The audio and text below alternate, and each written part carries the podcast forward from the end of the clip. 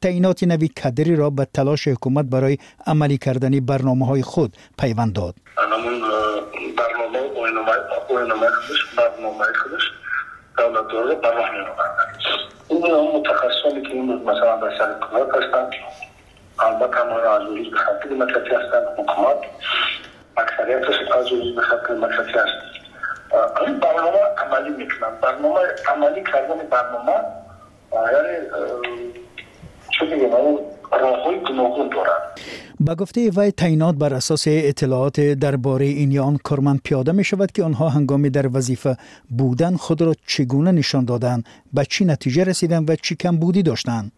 بختیار سفرف سردار شرکت سنترال آزیا کنسالتینگ به چنین بهاگذاری در مورد تعینات کادری حکومت تاجیکستان راضی نیست. تعینات کادری که سالهای دراز در حکومت تاجیکستان مشاهده می‌کنیم بیشتر مانند نمایش‌های تئاتری هستند نه اصلاحات واقعی.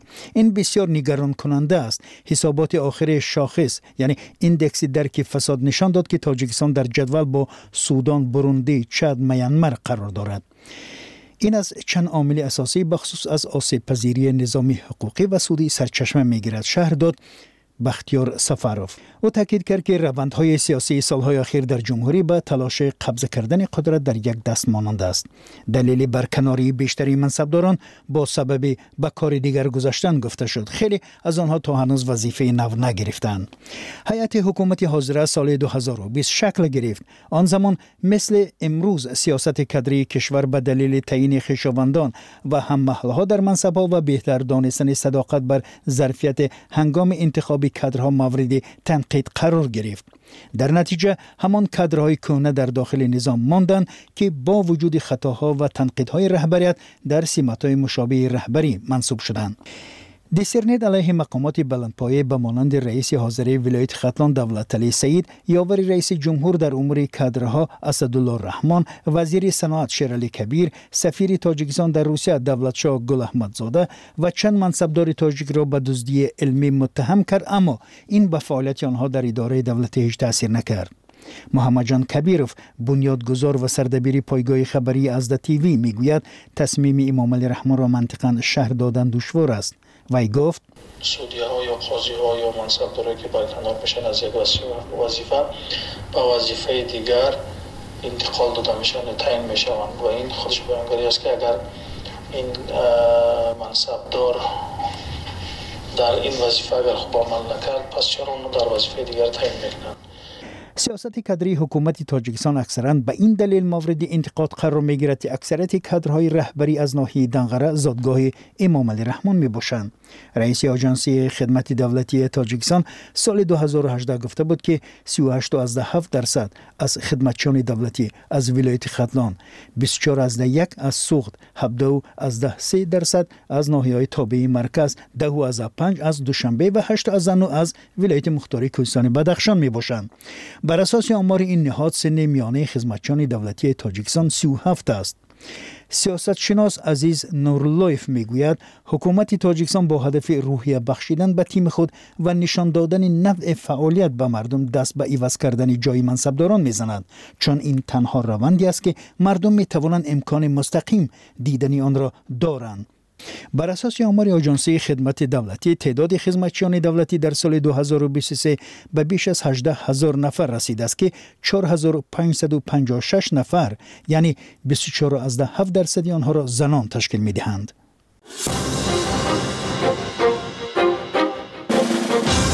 رهگذر بودید و شاهد حادثه عجایب شدید کودک کردسال شما رفتار و گفتاری مثل قند شیرین دارد؟ زیباترین منظره کوهستان یا شهر در خارجه شما را به حیرت آورد. کوچه های دهه شما از همه زیباست؟ می‌خواهید به کسی یا به جامعه پیام ویدیویی رسانید؟ مشکل را می‌بینید که باید همه از آن آگاه شوند. صفحه ما خبرنگار مردمی در اختیار آنها است که از این همه عکس صدا یا ویدیو گرفتند. و یا متن نوشتند خبرنگار مردمی صفحه سامانه озодӣ орг ё озодӣ тж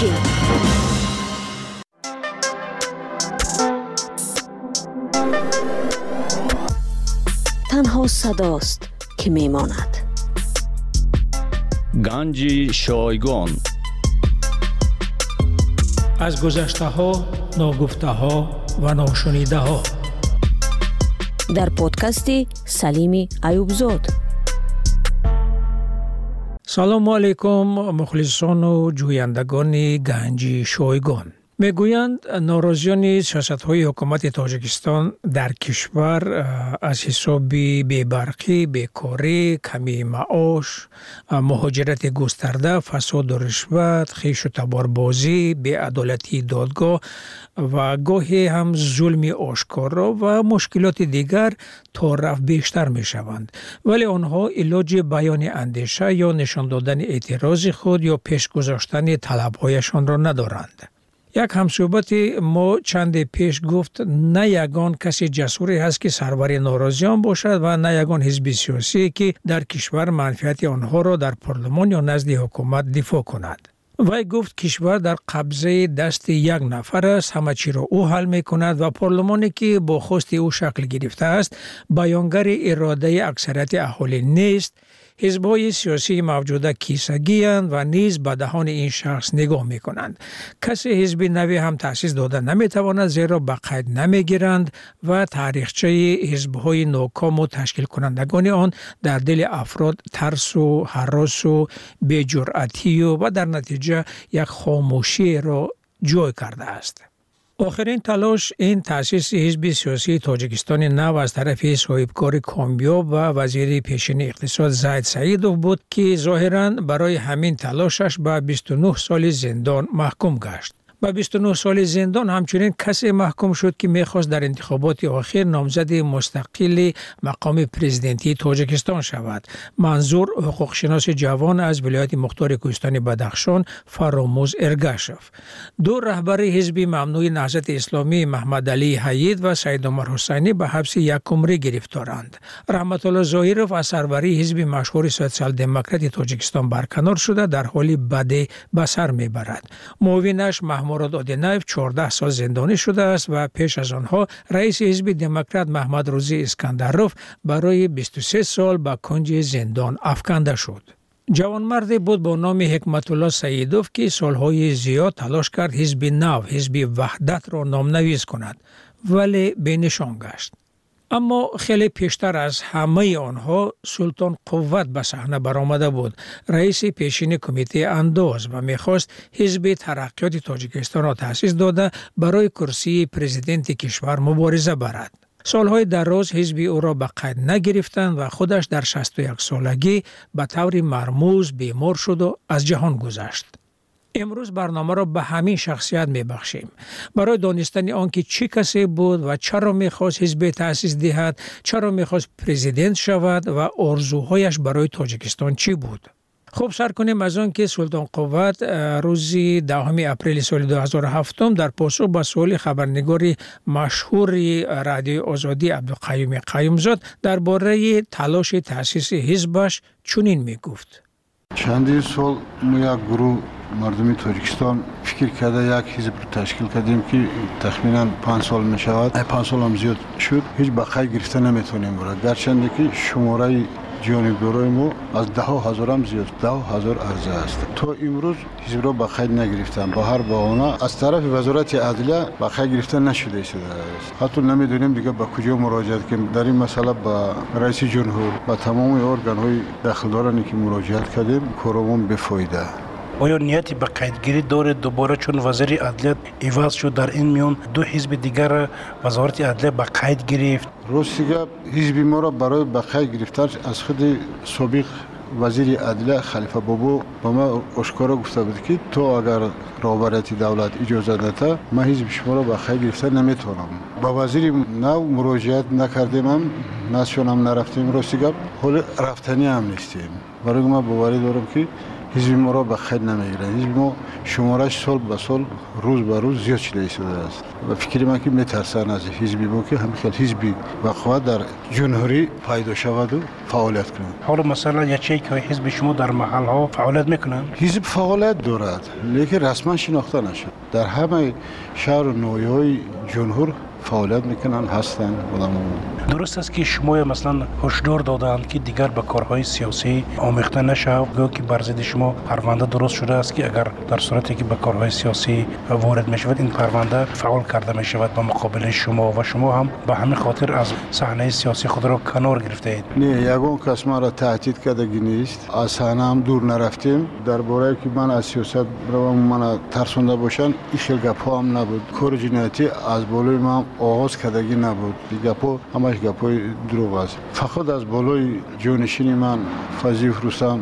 شده بودن کار جنایتی که این اصلا جنایت نیست. جنایتی که او را عیبدار کردن جنایتی صادر نشده است. اصلا بیگناه شده بودم اون نفرایی که این کار پیشه کردن یک روز جمعیت خدا جزاشون رو میتیه چون شما صحبت را در مورد رستم فیضیف آوردید چرا اون آدم مثلا تحت این اف قرار نگرفتن جنایت هایی که اف کرده شد جنایت های سبوک از پنج سال کم اف شدگی جنایت هایی که با حساب جنایت وزنین داخل بشن اینو به اف داخل نشده بودن.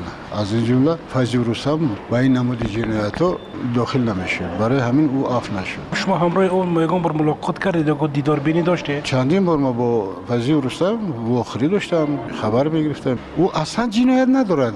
کسی که فکر عیبداری او را بخونه خنده آور است. با یگان مکتوب فرستادگی نیست با یگان جا نامه نفرستادگی نیست برای نامه فرستادن با یگان اداره در کدام تاریخ دنیا شنیدی که آدم جوابگر کنن وقتی که روان کردی و باید بسنجن ببینن درست نبرای او حالت ده همچون توماچی رو بتونن جوابگر کنن در اصل همین چیز نبود همون مکتوبا یگان جا فرستادگی نبودن مکتوبی که همون آدم تیار کرده بود است یگان جا روان کردگی نیست تقریبا سه ماه پس یا نقصه او را از کجای پیدا کردن و آوردن که وای مکتوبه نویسه فایزی رستموف نبود. مکتوبه نویسندگی فایزی رستموف در دو صفحه بود. این مکتوبی که آوردن از سه صفحه عبارت است. اصلا مکتوبه او نیست. به هیچ گناه آدم شدگی بعضی از راهبرای مخالفین سابق طلب می‌کنند که در عرفه ده سالگی امضای سازشنامه صلح رئیس جمهور تاجیکستان یک بار دیگر عفو رزمندگان را اعلام کند و همچنین پرونده های راهبرای مخالفین پیشین را در بایگانه های مقامات انتظامی تاجیکستان نابود کنند. شما چی نظر دارید؟ آیا واقعا همین پیشنهاد قابل دستگیری هست؟ به فکر من در مسئله عفو مخالفین یک مرتبه شده بود. همه همون اشتراکچی های جنگ شهروندی به او داخل می‌شد. برای چی بعضی اونا را جواب ندادن؟ من همین حیران. باید همه عفو می‌شد. از دو طرف. در دوره حکومت مساهله ملی نرودنی فرون خسته بود. ایروی قانونی جوری همون زمان می‌گیری اونا هم جنایت کرده بودن. میتیج بون لیکن که نرودنی فرون غلبه کرد امروز اینا حکومت قانونی شدن و ایناش جنایتکار. از هر دی طرف باید عفو می‌کردن و برای سوزوندنش نیست کردن کارهای جنایتی این مسئله در ما یگان چیز گفته نمی‌تونم. حکومتی که مسائل ملی سال 92 تشکیل کرده بودن اونم حکومت قانونی بود. با فرمان سوویت پرزیدنت جمهوری رحمان ابیش تاسیس کرده شده بود. من اینجا اشتراک داشتم دیده بودم من کارمند وزارت کارهای داخلی بودم.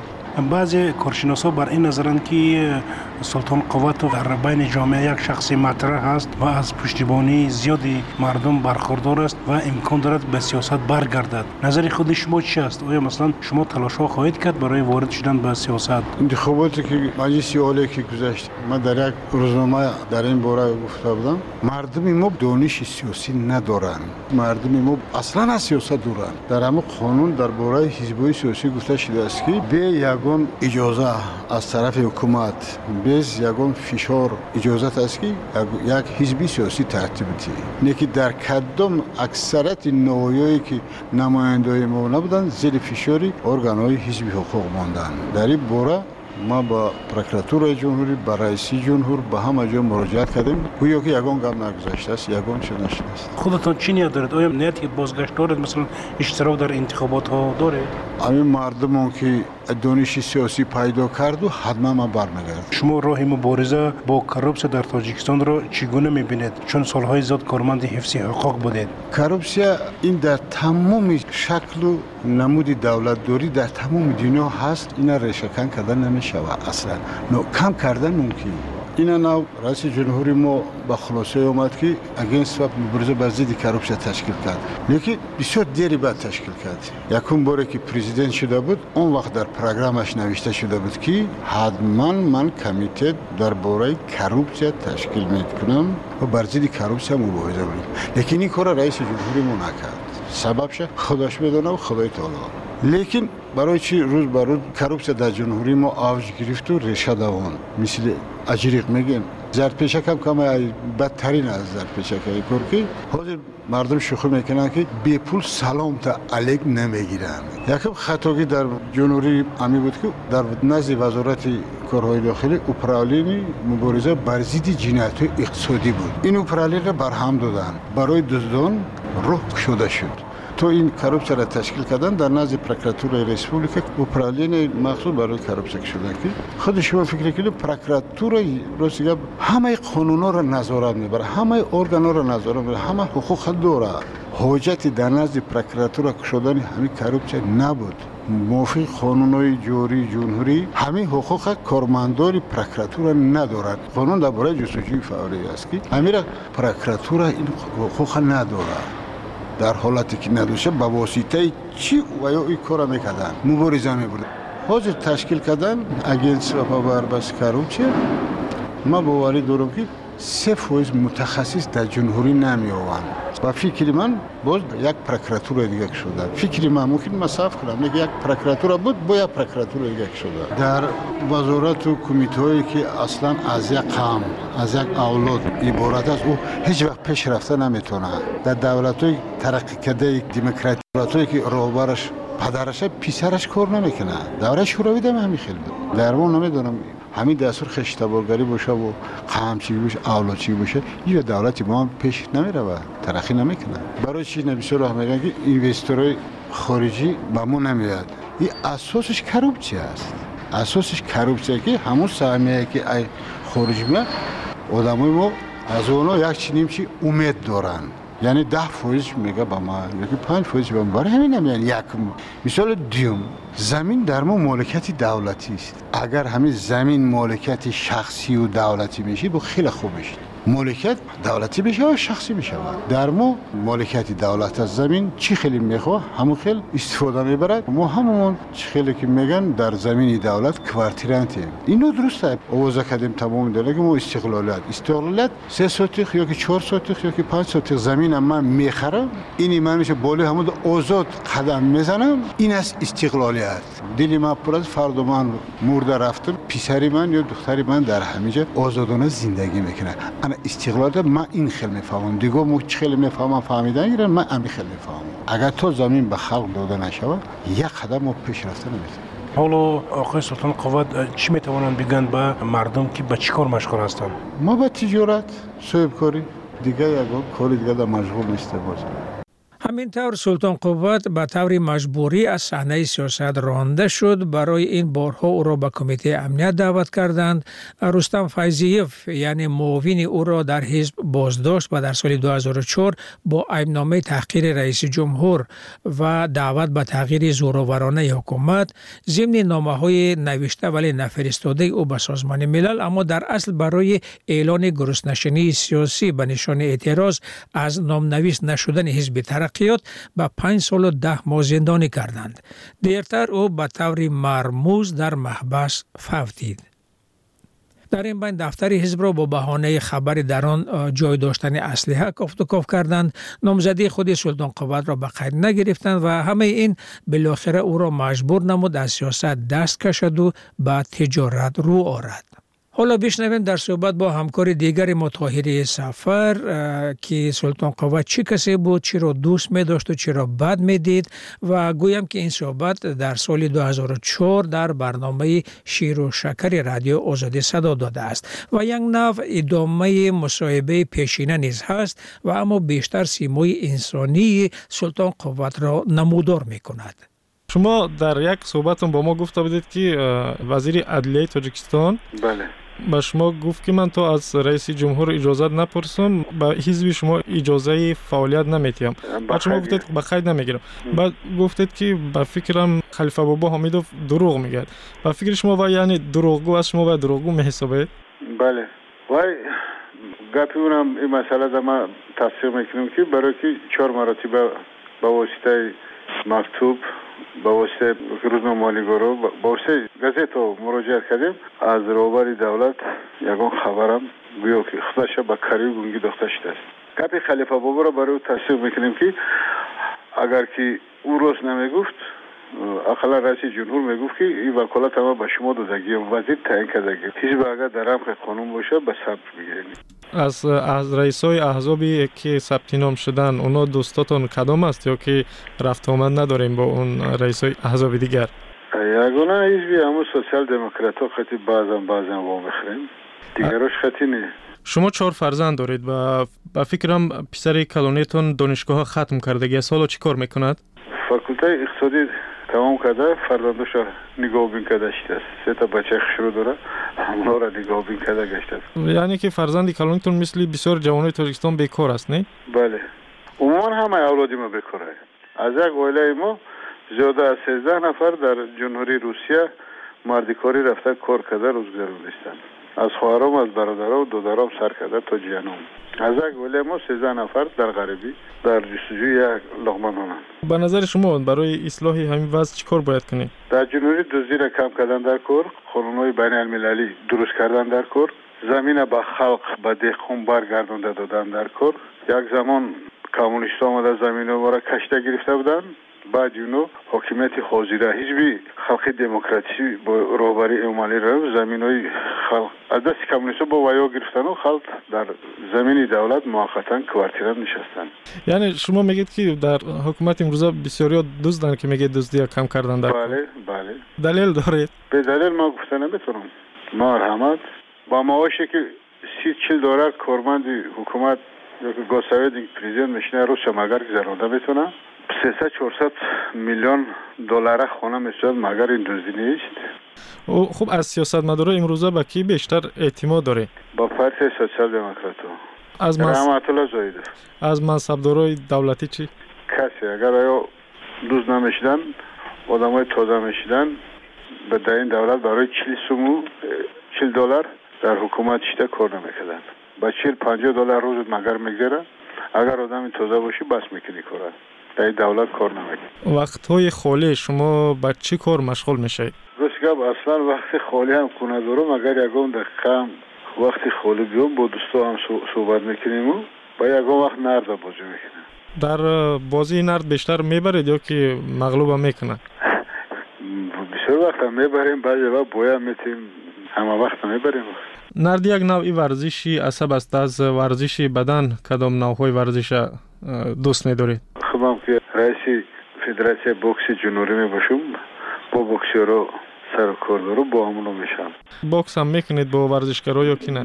دوره جوانی در می‌کردم گوشتی نمی‌گرفتم من دو نمود سپورت ها ببینم که اول بوکس دویم گوشتی بسیار می‌گرفتم. دوره جوانیم استودنتیم و غیره از دوره جوانی خود به ما نقل می‌کردید. مثلا جوانی خودتان با زندگی جوانی امروزه می‌تونید یک اندازه مقایسه بکنید البته فرق می‌کنید اون زمان کسی از کسی متهم نبود. هر کسی لقمه نوش یافته می‌خورد. سیاست وزیر پیش گرفته رهبرات جمهوری ما 80 فویز مردم ما را با خشاقی آورده. رسانده است. قسمش در گدایی در جستجوی لقمانان در کشورهای خارجی عذاب و اذیت کشیده گشتند. اینا خوشانا با کاری گونگی دخترش نشستن در چند سالگی تون ازدواج کرده گسته؟ 27 سالگی با خواهش ختم بود یا که با خواهش پدر و مادر؟ ما یک دیگر اون دوست میداشتیم هر دو منو سخت بود از آوازخانو که دوست میداره ای هنرمندای تاجیک؟ ای هنرمندای تاجیک اپای نگینه رو پواره تاون پخته می‌تونید یا که نه؟ یگان نوی تاون پخته می‌تونید؟ قریب همه تاون را پخته می‌تونم کدامش بهتر میپذید؟ اوش کرده می‌تونم شوربا می‌تونم لگمه پخته می‌تونم ششلیکای خوب کرده می‌تونم و اینا کدام وقت بیشتر میپذید و گاه گاه یگان دوستی نزدیک به کار یگان وقت میپذید یگان دوستم مهمانم در خدمت وقت از خصلت های مردم تاجیک به شما کدامش بیشتر پسند است؟ مردم ما یک خصلت خوب دارن که کفن هم که نداشته باشن یک مهمان که آمد آخران لقمه ناشد پیش مهمان در می‌گذاره کدامش نمیپسنده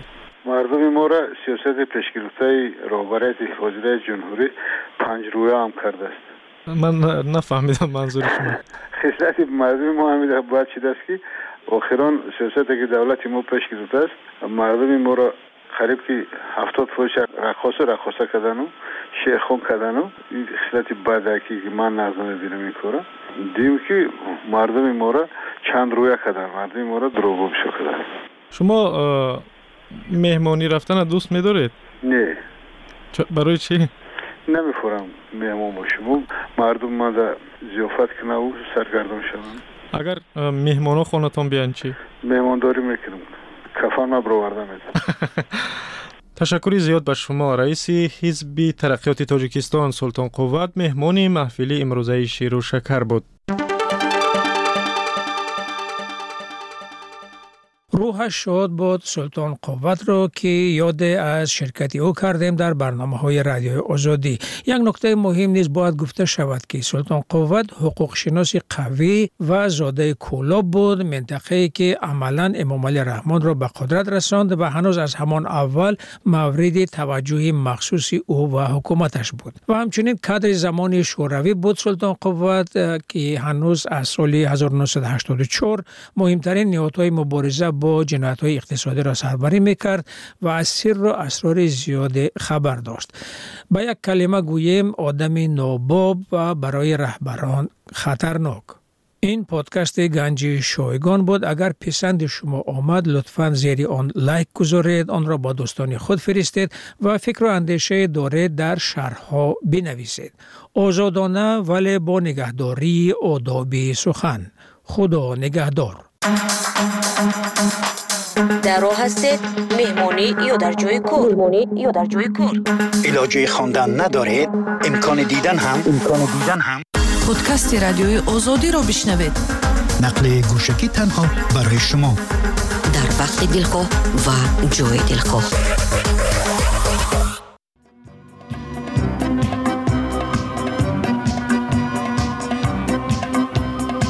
چهره زیبای تو رشک بوتان آزری هرچند وصفت می‌کنم در حسن ازان بالاتری. چهره زیبای تو رشک بوتان آزری هرچند وصفت می‌کنم در حسن ازان بالاتری. هرگیز نیاید در نظر نقش زیرویت خوب و تر. هرگیز نیاید در نظر. نقش زیرویت خوب و تر. شمسی ندانم یا قمر. گوری ندانم یا پری شمسی ندانم یا قمر. گوری ندانم یا پری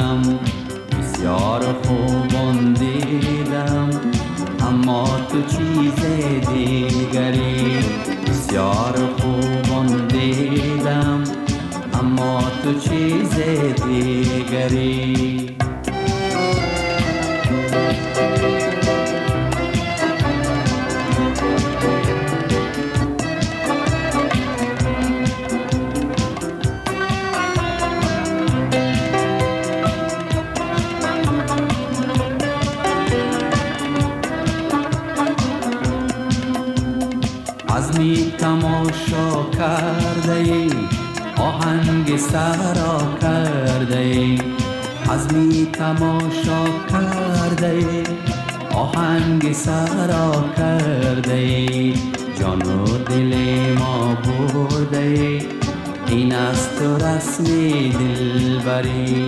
جان و دل ما برده این است تو رسم دلبری. چهره زیبای تو رشک بوتان آزری هرچند وصفت می‌کنم در حسن از آن بالاتری. چهره زیبای تو